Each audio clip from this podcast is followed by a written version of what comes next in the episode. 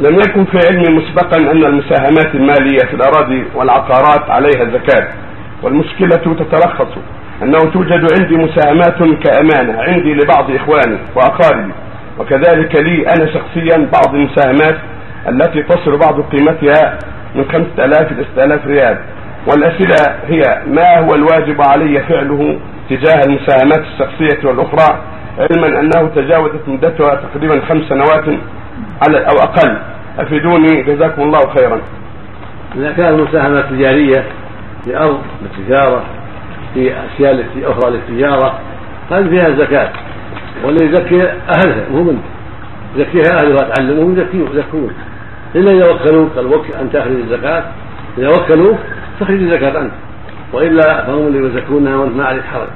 إنما تزكي حقك تزكي مالك أنت. وأما أموال الناس يزكونها هم. كل سنة. إلا إذا كان أهل المال صغار أنت وكيلهم تزكي عنهم. أو مع مع مجانين أو مع أنت وكيلهم تزكي عنهم. أما إذا كانت الأموال تجارية أموال استثمارية. في أرض يستثمرها مو بالبيع. في أرض تزرع. الزكاة في زرعها اللي فيها الزرع. في شركة آه، تستثمر أشياء. شركة حديد شركة مثلا أشياء أخرى ليس من شأنها البيع إنما بيع الثمرة لا تبيع الأصول. فالذي يباع هو اللي يزكى. ولما يباع آلات لا تباع أراضي لا تباع سيارات لا تباع هذا ما فيها زكاة. إنما الزكاة في الأشياء التي تباع من من هذه الشركة. والنتاج اللي يباع من هذه الشركة كل ما تم الحول عليه يزكى. إما بواسطة الشركة وإلا بواسطة أصحاب المال يعلمونه وهو يزكى ولا أصحاب الأموال يوكلون ناس من أعيان الشركة كل ما دارت السنة زكوا هذه الأموال التي للبيع.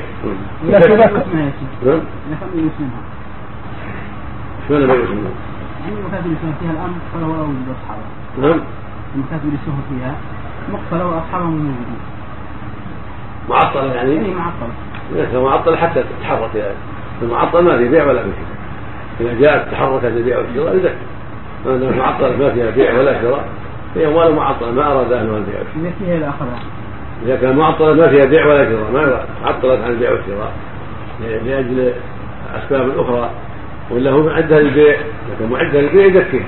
ولو كانت كاسدة يزكيها ما تسوى أما إذا كان هولوا ما عندهم بايع شيء ولا مسوي شيء هولوا عنها ما ما عندهم نية بيع ولا شراء. ينظرون في أمر اخر ماذا يفعلون فيها. هذه ما فيها زكاة. أما إذا كان تعطيها معناه ما لها ما لها زبون. يعني ما فيه نشاط هذه تزكى بقدر ما تسوى.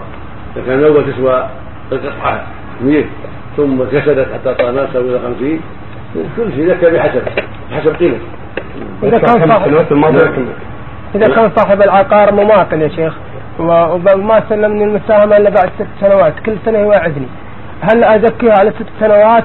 بالربا ثلاث المال؟ ما, ما يزكى عليه. إذا كان حقه عند معسر أو ماطل ما في زكاة حتى تقبضه. وإن زكاة عنه واحد حسن.